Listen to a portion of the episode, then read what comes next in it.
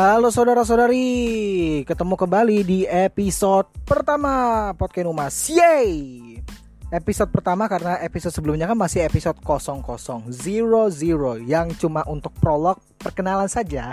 Jadi di episode pertama topik ngebacotnya bakal mulai serius karena di podcast Umas episode kali ini akan ngebacotin film yang baru aja gua tonton dua film Indonesia di bulan Desember ini. Dua film apakah itu? Apakah film Indonesia eh kau tanya lagi film Indonesia alah sudah pastilah makin belibet nih yuk kita lewati dulu ya opening sebelumnya Podcast Numas, podcast Danum Mahesa di sini. Podcast yang bakal ngebacotin tentang apa pun yang disenangi si Danum. Mau bacotin apa? Bacotin film, bacotin tentang teknologi, bacotin tentang opini, Semuanya ada di Podcast Mas Podcast Danu Mahesa. Jadi silakan yuk dengarkan.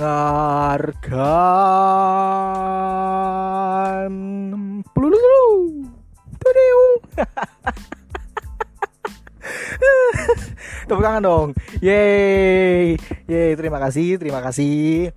Jadi mohon maaf banget openingnya masih sering bakal gonta-ganti nih karena masih meraba-raba gitu ya masih mencari jati diri kan ya. Dan pastinya opening selalu live tidak pakai settingan yang biasanya di podcast-podcast lain. Itu sudah ada template suara sendiri direkam terlebih dahulu tapping. Ini ya langsung live opening. Semuanya bakal live sampai closing. Jadi stay tune terus di podcast ini untuk dengerin opini atau apa pun bacotan yang bakal dikeluari oleh the one and only gua sendiri Danu Mahesa di sini. Eh oke. okay buat kamu yang masih rebahan atau ya lagi dengar podcast ini sambil di perjalanan naik mobil gitu kan sendiri berdua rame-rame. Selamat mendengarkan semoga kamu betah selalu di sini. Dan juga atau mungkin kamu baru datang di podcast ini baru join baru mendengarkan. Selamat datang juga. Welcome aja kok welcome aja. Asal kamu betah terhibur ya kan? Sudah menjadi menjadi siapa ya ya tugas lah pokoknya nggak tahu tugas siapa ya tugasku kah tugasmu kah kembali ke masing-masing aja siapa yang mau menghibur di sini kamu mendengar kamu terhibur aku Terima kasih. Oke, aduh mulai ngalor ngidul. Yang pasti selain semua ini bakal live terus podcast ini ngebahas apa pun bacotannya. Podcast ini bakal banyak belibet deh, sumpah. Bakal banyak belibet karena kenapa? Why? Ha, mulai kayak mau belibet podcast-podcast ini yang membedakan dari lainnya adalah belibetnya karena di podcast-podcast lain ngomongnya lancar semua. Kalau aku sudah saking kebanyakan ngebacot kayak gini, sudah sering suka belibet. Nggak tahu kenapa ya. Apakah aku harus periksa? Gua harus periksa. Uh, gimana tuh guys? Ay, sayangnya kalian nggak bisa kirim komentar karena ini cuma di podcast gitu kan. Jadi nggak bisa kirim komentar. Nanti deh ada satu platform lagi untuk kira kirim-kirim suara gitu kan, yang bisa kirim komentar apa segala bisa komentarin. Nah, jadi topik yang bakal aku bahas nih sekarang, aku habis aja kok aku sih, aku atau gua sih konsisten dong, gua ya, gue. Gue ini habis nonton dua film sekaligus yaitu film Habibie dan Ainun 3 dan Imperfect yang akan juga direview pada podcast saat ini. Kita mulai masuk ke review pertama film pertama, ke masuk ke review film pertama yaitu Habibie dan Ainun 3. Yang di sini diperankan untuk sosok Habibie adalah masih Reza Rahadian, Maudi Ayunda sebagai Bu Maudi Ayunda sebagai Ibu Ainun dan ada Karakter baru Ahmad yang diperankan oleh Jeffrey Nicole. Ahmad itu adalah mantannya Ibu Ainun. Jadi keseluruhan Habibie dan Ainun ini yang ketiga menceritakan tentang perjalanan Ibu Ainun menggapai mimpinya menjadi dokter dengan cara masuk ke Universitas Indonesia. Terus itu juga sampai pada titiknya dikagumi sama semua pria karena kepintarannya dan kecerdasan Ibu Ainun melawan patriarki saat itu. Buat yang nggak tahu patriarki itu apa, patriarki itu adalah setidaknya sikap mengecilkan perempuan bahwa sesungguhnya jika perempuan itu hanya berfantasi di dapur saja, sedangkan laki-laki bisa melakukan banyak hal. Uh, itu kalau ada manusia masih hidup di zaman sekarang, walaupun nggak sesadis itu ya, gimana mengobrolkannya wanita direndahkan seperti itu, masih hidup di zaman sekarang itu adalah pikiran primitif pikiran-pikiran kuno yang harus musnah sudah di tahun sekarang. Jangan ada lagi pikiran-pikiran primitif, pikiran patriarki seperti itu. Masa sih bro, masa sih sis perempuan itu cuma di dapur saja Kesetaraan gender Hmm, ya sih masih menjadi pembahasan-pembahasan yang cukup menarik kesetaraan gender Mungkin akan dibahas di next podcast Oke okay. Jadi Kenapa Ibu Ainun menggapai mimpinya menjadi dokter? Apa yang melandasinya? Ternyata pada tahun 1940-an waktu sosok Ainun kecil pernah melihat ibunya melahirkan kok ibunya melahirkan pernah melihat ibunya membantu lahiran seseorang atau ibunya berprofesi sebagai bidan yang itu menginspirasinya untuk menjadi lebih dari ibunya yaitu menjadi dokter lambat laun ternyata diceritakan selama masuk Universitas Indonesia ada aja ya masih kelakuan patriarki itu. Di samping itu dia ketemu sosok Ahmad yang diperankan oleh Jeffrey Nicole. Ahmad itu yang membedakan dari pria-pria lainnya dikagumin mengagumi Ainun adalah Ahmad lebih ke orangnya nggak terlalu serius sih orangnya nggak terlalu serius. Tapi dia punya pemikiran yang ya untuk perempuan seenggaknya itu pemikirannya bagus gitu pemikirannya pintar Buat aku yang mencuri perhatian di sini adalah Jeffrey Nicole-nya tentu yang pertama karena uh, selalu progresif dia di setiap filmnya, salah satu aktor potensial juga. Dan yang kedua setidaknya mau di Ayunda yang di yang memerankan sebagai Ibu Ainun sedikit lumayan lumayan. Nggak terlalu bagus tapi nggak terlalu jelek juga. Tapi sedengaknya sedikit banyak mematahkan persepsi bahwa mau di Ayunda nggak cocok berperan sebagai ibu Ainun. Itu siapa sih yang bilang tuh netizen netizen ha? Coba dulu diberi kesempatan. Kan kita sudah nonton filmnya. Kenapa lagi kalau kalian nanya nih ibu Ainun diperankan sama mau di Ayunda? Kenapa bukan BCL hey hey hey hey hey. Hey ho hey ho hey ho. Ibu ibu-ibu bapak-bapak yang terhormat dengari podcast ini ya jadi kenapa mau di Ayunda bukan BCL? Ketuaan cuy kalau BCL. Kalian ingat nggak sih di Habibie dan Ainun pertama? Ibu walaupun BCL yang merankan uh, Ibu Ainunnya itu ya, Ibu Ainun pada waktu mudanya itu diperankan sama sosok aktor lain. Coba lah kalian tonton lagi ya Habibie Ainun satu Aktor lain kok Tapi kenapa juga mau di Ayunda masih yang diperankan Yang memerankan sosok Ibu Ainun muda Karena permintaan khusus dari Eyang Habibie juga Lanjut nih, kita udah mereview secara keseluruhan cerita. Yang terbaru di film Habibie Ainun 3 mendapatkan banyak upgrade sih, mendapatkan banyak upgrade. Uh, sosok Habibie tua bener-bener dihadirkan sosok Pak Habibie secara visualnya lewat makeup prostetik suatu upgrade yang masif sih karena kalau dilihat ya Habibie Ainun pertama itu kayak cuma penggambaran aja bukan istilahnya mewakilkan pakai make up gitu ya sesuatu yang upgrade.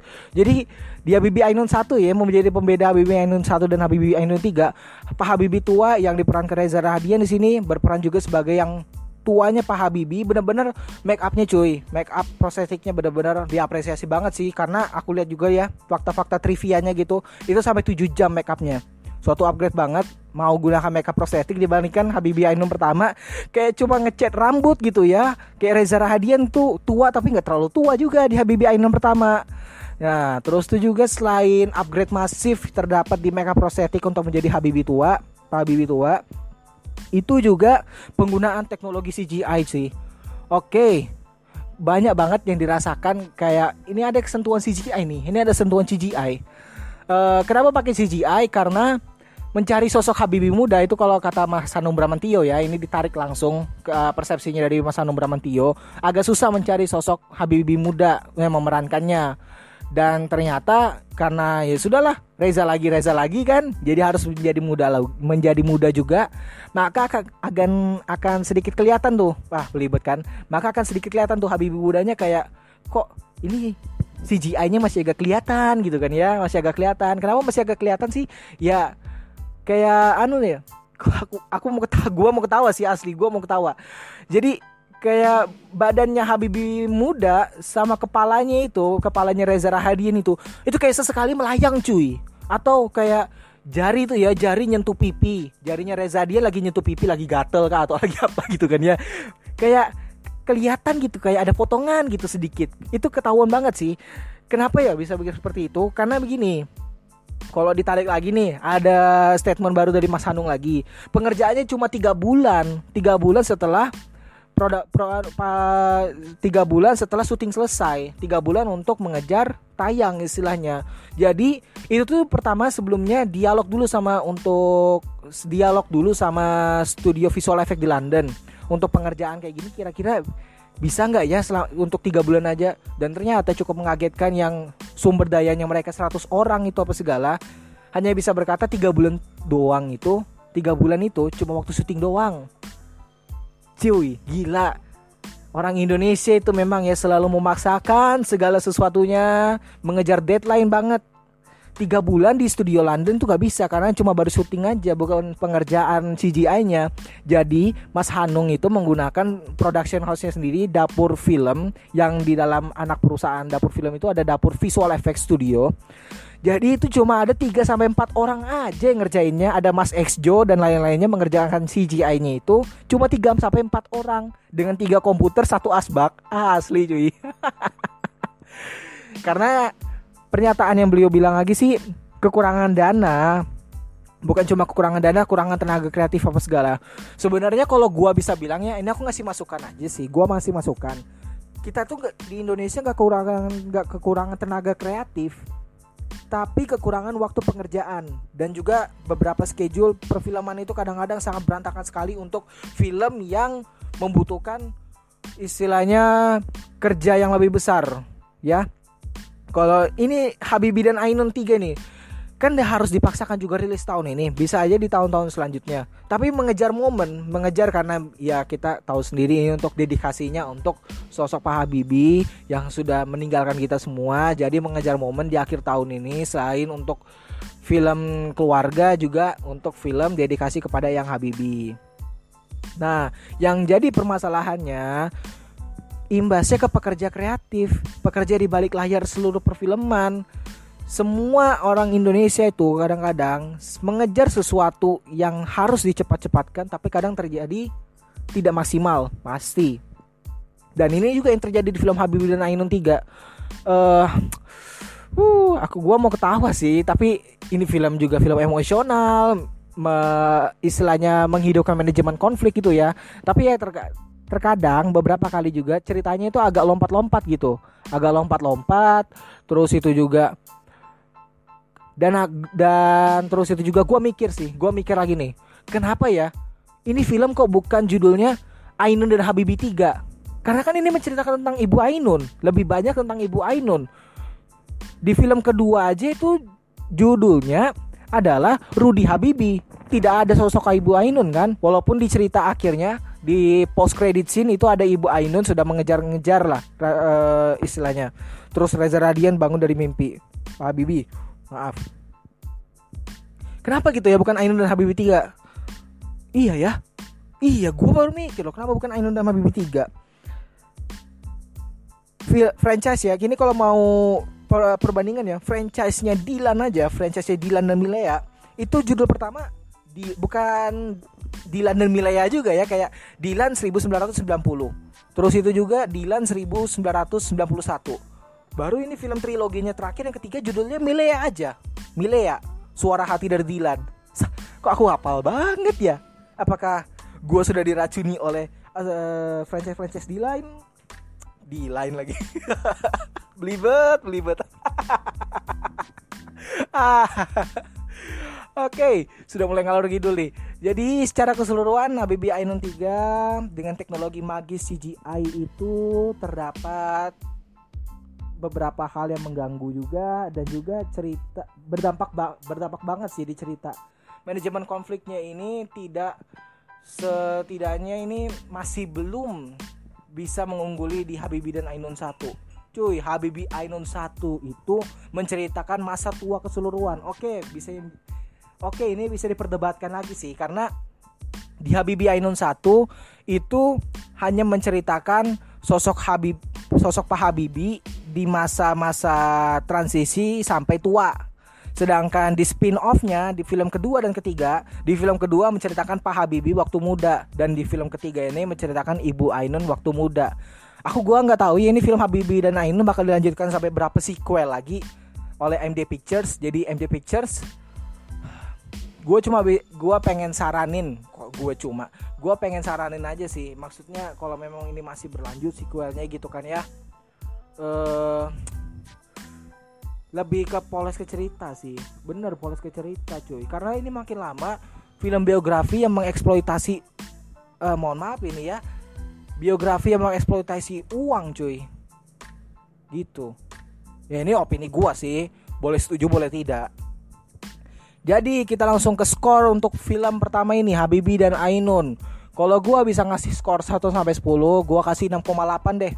Nggak bagus, tapi juga nggak jelek. Lumayan kok, lumayan. Kalian bisa mengikuti ini film biografi kalau kalian mau kilas balik lagi memori-memori tentang perjalanan Pak Habibi dan Ibu Ainun, perjalanan cinta sejati bisa ditonton lagi untuk film terbaru ini sequelnya Habibi dan Ainun 3. Lanjut di film kedua ini yang baru gua tonton bakal gua review adalah karya kelima yang Prakasa Imperfect, Karir Cinta dan Timbangan. Yang di sini ada sosok Rara diperankan oleh Jessica Mila, Dika diperankan oleh Reza Radian dan karakter-karakter pendukung lainnya seperti Devina Aurel, Karina Nadila, Clara Bernadette, Karina Suwandi, Dewi Irawan, Diong Wiyoko, dan banyak lagi stand up komedian pastinya ya di setiap film Ernest pasti ada stand up komedian tapi yang baru di sini adalah Kiki Saputri. Da, wala dan Neneng juga ya. Kenapa aku jadi nyebut-nyebutin? Oke jadi gini cara keseluruhan cerita ini mengangkat tentang isu body shaming ada di masa sekarang di saat ini. Uh, Reza Radian lagi nomplok rezeki ya Shy by the way. Dua film sekaligus di bulan Desember ini di hari yang sama cuy Cuma yang membedakan kan yang satu biografi yang udah berjalan, film biografi yang udah berjalan. Yang satunya ini fresh aja, karya Ernest lagi dengan cerita yang baru mengangkat isu body shaming. Nah, jadi nah, jadi so well. Mulai belibet terus belibet. Ih pusing deh ngilangin belibet ini kayak apa caranya ya? Ada yang tahu obatnya gak sih? Tolong dong kalau ada obatnya ngilangin belibet dalam ngomong. Gue harus ngapain gitu ya? Kasih tahu aja lewat ah iya nggak bisa komen ya. Lupa ini podcast cuma bisa mendengar suara begini. Nanti deh gue bikin platform lagi. Kalau misalnya ada gitu ya platformnya untuk bisa tulis-tulis komen atau ya kalau nggak kirim-kirim suara gitu. Siapa tahu kan ada mau cerita bisa tergabung lagi di podcast ini podcast Numas. Nah tapi tapi nggak tahu ya dicari aja dulu nanti. Nanti siapa tahu ketemu lah di next episode. Oke lanjut yuk. Yuk lanjut yuk. Jadi gini uh, setidaknya ini film Ernest juga yang fresh lagi setelah cek toko sebelah. Fresh lagi setelah cek toko sebelah ya karena setelah cek toko sebelah itu ya sebenarnya di film Susah Sinyal dan Mili dan Mamet itu seti masih mengulang formula yang sama cuy. Kayak udah ketahuan gitu endingnya gimana. Walaupun Ernest Prakasa keluar dari comfort zone. Kayak ini nih manajemen konflik keluarga itu pasti udah diketahui kok di film ending di ending filmnya Ernest Prakasa itu. Tapi di sini walaupun endingnya juga manajemen konflik keluarga tapi setidaknya yang baru adalah uh, para stand up komediannya di sini mencuri perhatian, terutama Kiki Saputri berperan sebagai Neti. Itu asli cuy. Bener-bener ada sosok perempuan yang jorok karena bukan jorok dalam artian negatif ya konotasinya, tapi jorok itu karena perempuan itu sebenarnya membicarakan kayak hal jorok laki-laki gitu ya kayak tapi perempuan tuh sebenarnya bisa kayak gitu. Karena di lingkungan gua sendiri ada kok teman-teman perempuan yang bahkan lebih bisa lebih frontal lagi ngomong-ngomong jorok soal eh uh, pokoknya tentang tubuh lah ya. Tentang ya pokoknya tentang tubuh lah. Pokoknya Kiki Saputri mencuri perhatian banget tuh thumbs up. Gua salut banget gua. Jadi Rara wah ini makin ngalor ngidul nih. Jadi gua ya langsung kembali ke poin utama lagi nih Rara di sini sudah terlahir sebagai sosok yang gendut. Hmm, sebenarnya gue nggak bisa banget sih ngata-ngatain fisik kayak gini karena beberapa banyak orang juga langsung bilang kok gendutan ya. Pasti tuh, ih pusing. Dan Dika itu adalah pacarnya Rara yang support system banget kepada Rara. Jadi di film ini pertama kali film ini berjalan Rara dan Dika itu sudah pacaran. Jadi nggak perlu dijelasin lagi kenapa sih kok bisa pacaran itu mereka. Kayak ketidaksempurnaan itu berjalan mengalir begitu saja. Ya asik. Ketidaksempurnaan berjalan begitu saja. Sama ini nih selain cerita yang fresh banget selain cek tok sebelah setelah cek tok sebelah Jessica Mila di sini juga salut banget sih gua. Mau naikkan 10 kilo itu terus pakai uh, body suit body suit itu istilahnya badannya supaya Jessica Miller terlihat lebih gemuk gitu ya. Ag cuman yang gak yang agak sedikit mengganggu itu kenapa Jessica Miller saat saat transformasi badannya itu di saat gemuk itu bajunya selalu lengan panjang pasti lengan panjang. Kayak kenapa sih nggak dibikin sedikit gitu kayak keyakinan walaupun di pertama kali ada dimunculkan kayak cuma di kamar mandi pakai handuk gitu ya tangannya kelihatan besar banget. Tapi setidaknya kenapa nggak diperlihatkan lagi gitu loh. Nah uh, terus itu juga yang paling mencuri perhatian selain Kiki Saputri ya ada juga Yasmin Nepper nah ini gue baru ingat nih sebagai adiknya Rara Lulu namanya ya adiknya Rara. Dia baru baru main film tapi Ernest Prakasa bisa menghandle situasi karakternya sih. Jadi kalau bisa gue bilang Yasmin Nepper itu aktor remaja masa depan nanti pasti ini setelah ini di film Ernest Prakasa setelah film Ernest Prakasa pasti dia bakal peran utama remaja pasti bakal dapat pasti bakal dapat. Mulai ngalur ngidul nih. Uh pokoknya di ending uh, sampai di ending itu ada pesan penting sih yang disampaikan di film Imperfect bahwa nggak semua segala ketidaksempurnaan itu harus diubah menjadi sempurna cuy pokoknya apa pun yang lo seneng gitu ya mau jadi sempurna atau tidak sempurna lo yang nentuin sendiri. Lo yang bahagia kan bukan orang lain yang bahagia. Terus itu juga di sini mengangkat pesan penting banget pesan penting banget. Karena Rara itu bekerja sebagai anak riset di kantor kecantikan. Nah pesan pentingnya bahwa di kantor kecantikan ini, ini gue spoiler ya langsung gue spoiler ini pasti nih pokoknya nonton podcast ini kalau gue lagi ngebahas film pasti bakal spoiler deh. Jadi nonton dulu filmnya baru dengari podcast ini untuk dengari bacotannya aja. Jadi pesan di sini seenggaknya disampaikan bahwa nggak semua loh produk kecantikan itu harus berpaku sama sosok perempuan yang putih, perempuan yang langsing, perempuan yang cantik gitu. Cantik itu soalnya bagaimana cara melihatnya aja, perspektifnya aja, sudut pandangnya. Ah udah mulai ngalor ngidul nih ya maklum lah ya gue bukan reviewer cuma orang-orang yang ngebacot aja. Jadi bakal ngalur ngidul juga buat have fun aja sih. Jadi langsung ke skor aja. Skor untuk film imperfect dari 1 sampai 10 gua ngasih 7,8 bagus banget setidaknya uh, film fresh lagi dari Ernest Prakasa kelima yang kelima ya yang kelima. Setelah ada ngenes sebelumnya cek toko sebelah susah sinyal dan Mili dan Mamet Oke.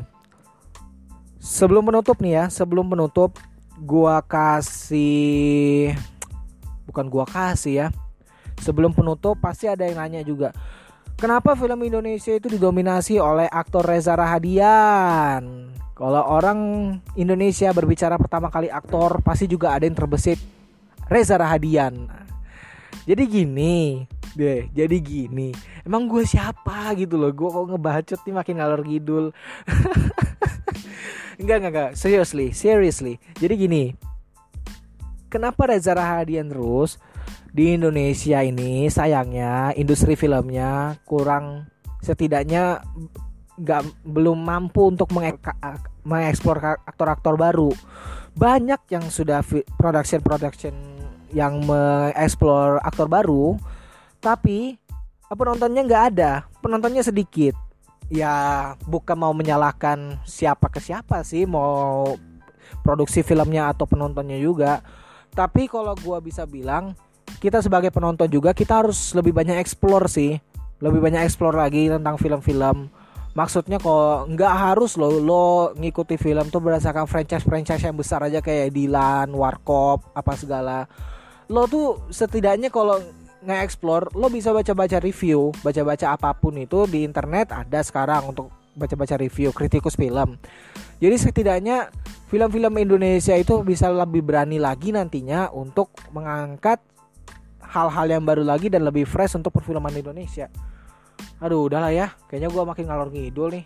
Pokoknya ada beberapa permasalahan film Indonesia Yang mungkin di next podcast bisa gue bahas. Kenapa nggak gue bahas sekarang? Karena gue lagi-lagi eh, tidak pakai skrip tidak pakai skrip, tidak pakai skenario, tulisan. Jadi ini dari tadi gue ngomong aja apa pun. Aduh, pokoknya gitu dah. Aduh, dadah, dadah, dadah. Kita masuk ke closing. Jadi buat para pendengar nih, wahai pendengar sekalian, kalau kalian masih mau mendengar next episode silahkan sebelumnya follow dulu Instagram @podkenumas dicari aja di Instagram itu kalian bisa tahu update terkininya nanti untuk next episode podcast jadi nggak ketinggalan informasi seputar podcast Podkenumas dan juga apa lagi ya ya udah gitu aja dulu kali ya iya ya ngebacotin film kayaknya sampai sini dulu. Nanti di film-film selanjutnya next apalagi tungguin aja. Oke. Gua dan Umaisa signing out. Bye bye.